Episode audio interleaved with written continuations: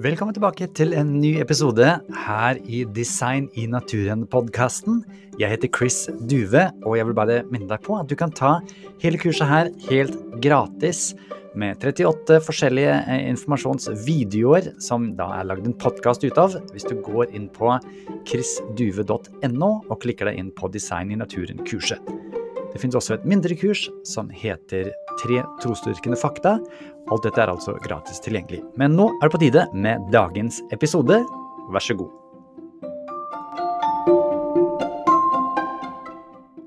Hei, det er Chris her, og i denne undervisningsvideoen skal vi snakke om den kambriske eksplosjonen. Charles Darwin skriver i Artenes opprinnelse Dersom mange arter av samme slekt og familie virkelig har begynt å være til samtidig, ville dette faktumet tatt livet av teorien om alt alt som lever kommer fra én celle gjennom langsomme endringer, eller gradvise endringer, og naturlig utvalg. La oss høre litt med dr. Gunther Bechley. Yes, saltation means it's a hmm. sudden jump, not an accumulation of many small changes over long periods of time, but big changes in short time. And uh, that is a crucial part of his theory that all big differences are explained by an, a stepwise addition of many small steps over long periods of time. That was not just with Darwin, it's still uh, true today. Richard Dawkins in 2009 wrote, Evolution not only is a gradual process as a matter of fact, it has to be gradual if it is to do any explanatory work which means if the empirical fossil record shows that the process was not gradual, then there is a major problem for the theory because the predictions of the theory are then contradicted by the evidence. Og det er jo det vi ønsker å finne ut av. I denne leksjonen skal vi snakke om eksplosjoner, altså ikke ting som eksploderer, men at det plutselig kommer masse fossiler eh, i jordlagene. Vi skal snakke da som et eksempel om den kambriske eksplosjonen. Vi skal snakke om er fossilene entydig som bevis for makrorevolusjon? Og hva betyr disse funnene i den kambriske eksplosjonen for dyrenes tilblivelse? Som du husker fra forrige gang, så skal altså fossilene vise en påstått gradvis endring, og skal være et hovedbevis for makroevolusjon. Og også på forskning.no leser vi om at evolusjon skjer med mange små steg. Det er mikroevolusjon. Større endringer blir det da når de akkumulerer seg, samler seg. Da blir det makroevolusjon. Og fossiler er et av de mest overbevisende bevisene som fins for makroevolusjon. Fordi gradvis utvikling fra én art til en annen og splitting av én art til to nye arter kan vi se i fossilene. Der begynner vi å blande litt mikro og makro, men vi ser nå altså på makro, makro, makroevolusjon i den kambriske eksplosjonen. Fordi i det kambriske jordlaget så finner man fossiler av vidt forskjellige typer vesener. Alle dyre- og kroppsplanene som vi har i dyr fortsatt i dag, oppstår innen veldig kort tid. Her er det trilobitter og pabinia, flere av de som du skal bli kjent med i en video ganske snart. Og i det jordlaget som er under, så finner vi bare ting som alger eller svampembryoer. Vi finner også ingen dyr som leder opp til de dyreslagene som vi finner i det kambriske jordlaget, som f.eks. opabinia. Tidsrammen for disse nye type dyr til å dykke opp er bare 20 millioner år. Og når du da vet at det bare kan skje omtrent 8-10 små endringer i et landgående dyr i løpet av 20 millioner år, da begynner det å lukte lunta. Vi leser også i Det store norske leksikon at det her er snakk om en voldsom økning i biologisk mannfold. Så sier Valentine Irwin og Jablonski No new phylum level designs have appeared since then. Og du kan si phylum, eller phyla, som de også snakker en del om i filmen vi snart skal se, det er altså hakket under riket. Altså du har dyreriket, planteriket, bakterier, ikke sant? Og rett under det så er det altså feil, Altså Hvilken type dyr. Ikke art. Det er jo bare Altså, du kan ha en fink med kortnebb, en fink med langnebb. Det er arter. Men her er vi helt opp i rekker. Altså fra meitemark til elefant. De forskjellene er det vi snakker om. og disse kroppsformene dykker altså opp i det kambriske jordlaget. Er det litt diskusjon om hvor lang tid det varte? Eh, vi finner ut mer og mer hvor eksplosivt det faktisk var.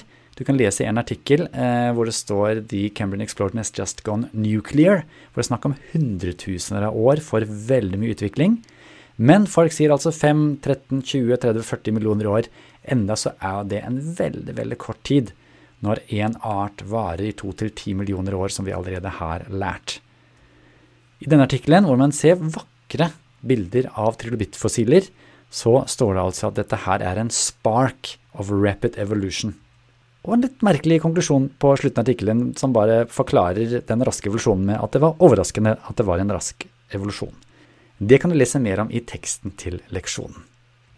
Også på Evolution Library får vi lese at all animal evolution for the last billion years has come from tinkering with the Cambrian body plans.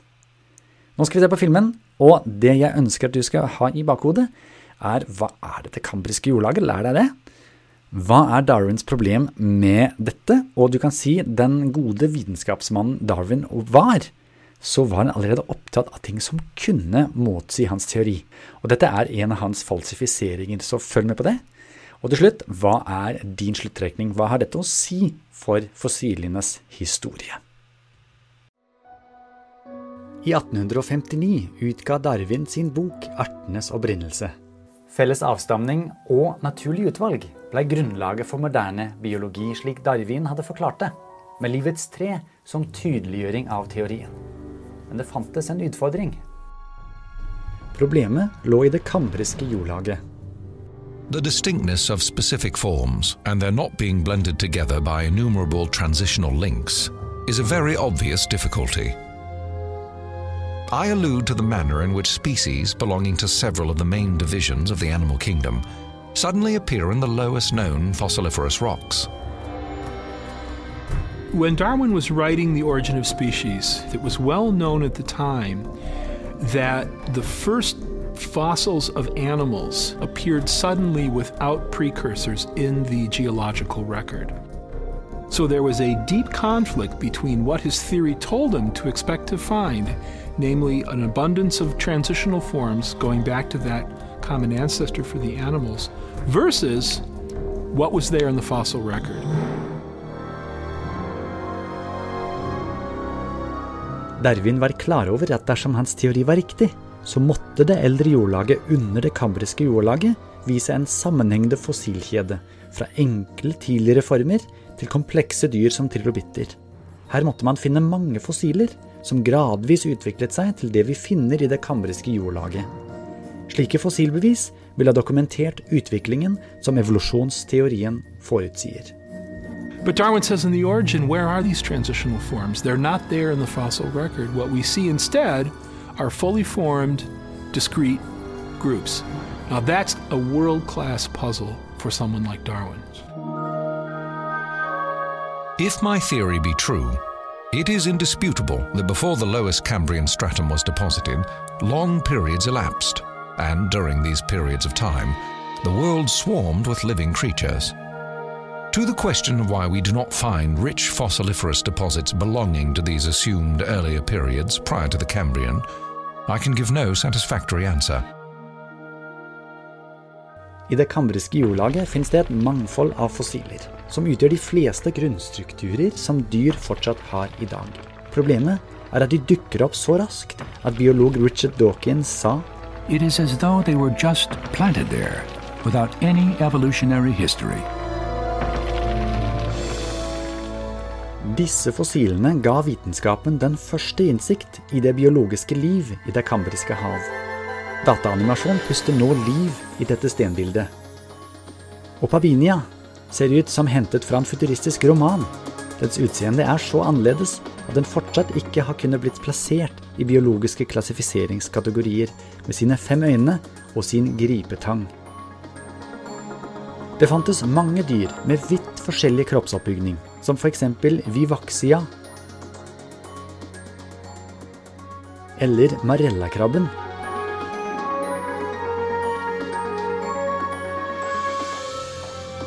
Den er minst like biologisk avansert som dagens krabber.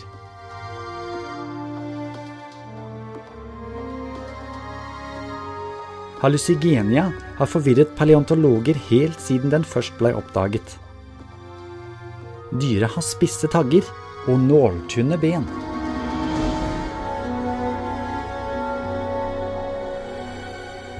Men den ubeseirede jegeren var anomalocaris. Den kunne bli én meter lang og var utstyrt med to piggklør som førte den spyttet til flere rader med sylskarpe tenner.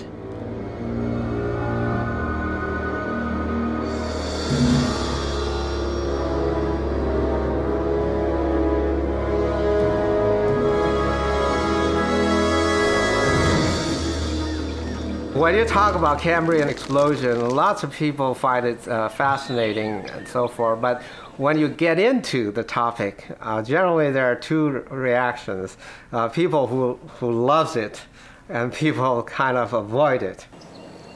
The Cambrian explosion does challenge the traditional idea of gradual evolution of animals, uh, because they all seem to appear all of a sudden and the problem is, how do we explain it?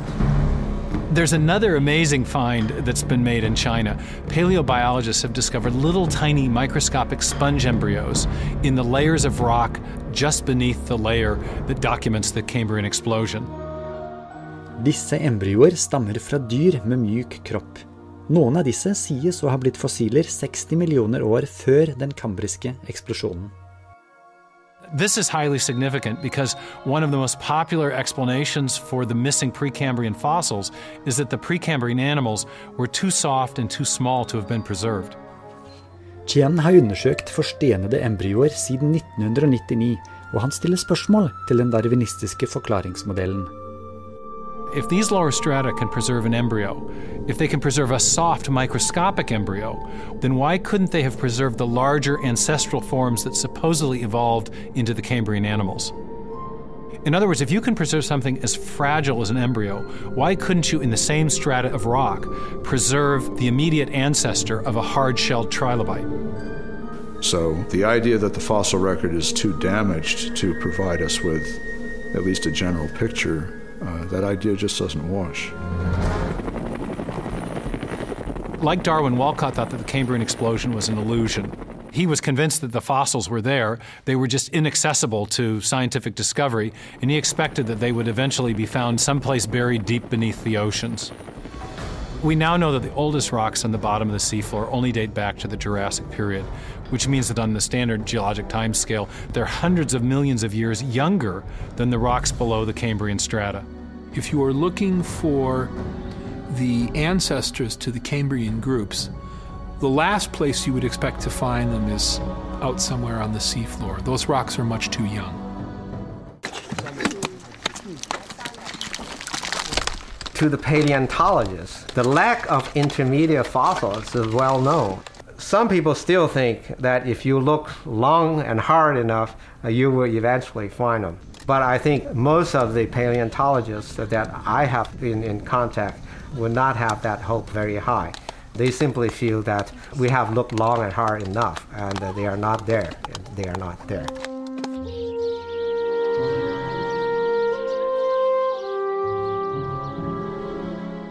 The difficulty of assigning any good reason for the absence of vast piles of strata, rich in fossils, beneath the Cambrian system is very great.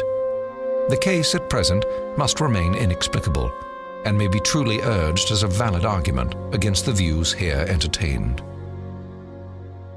Darwins utviklingsteori er en etablert tankemåte også i Norge. Men har evolusjon den beste forklaringen for fossilene som faktisk finnes? Hva tenker du? Takk for din tid.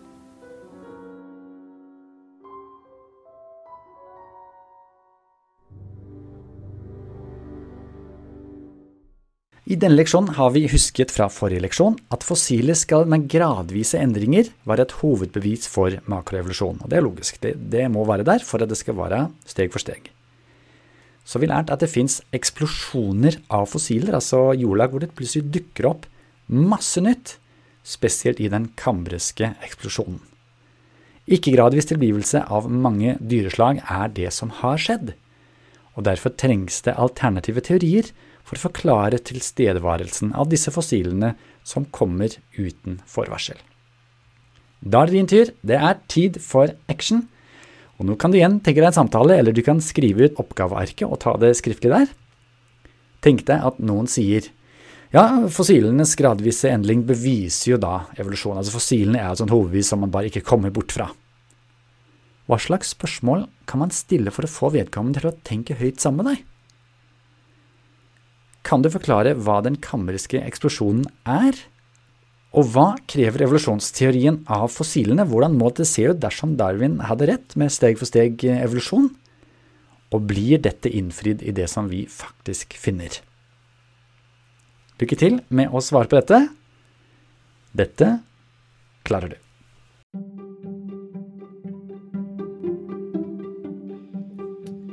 Igjen, dersom du ønsker å få tilgang til de hjelpearkene eller oppgavearkene, så er det jo fullt mulig for deg å signe opp til kurset. Da går det an å laste det ned. Hvis du går inn på chrisduve.no, så ser du all informasjonen der.